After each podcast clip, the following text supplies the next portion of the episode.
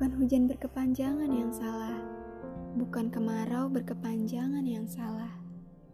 Yang salah adalah kita, tidak bisa bersyukur atas pemberiannya, tidak bisa menghargai apa yang telah ia ciptakan untuk kita. Alam hanya melaksanakan tugas yang diperintahkan olehnya. Alam pun terkadang geram dengan manusia-manusia perusak. Maka ketika sang pencipta memerintahkan, dengan senang hati mereka melaksanakan. Manusia pikir hanya mereka saja yang bisa seenaknya. Angkuh di atas ciptaannya, berpameria demi mendapatkan sanjungan yang tak berarti apa-apa. Yang seharusnya angkuh itu sang pencipta, bukan kita.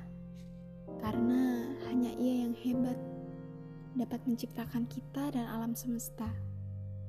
Lucunya, Ketika Tuhan menguji, barulah kita merendah.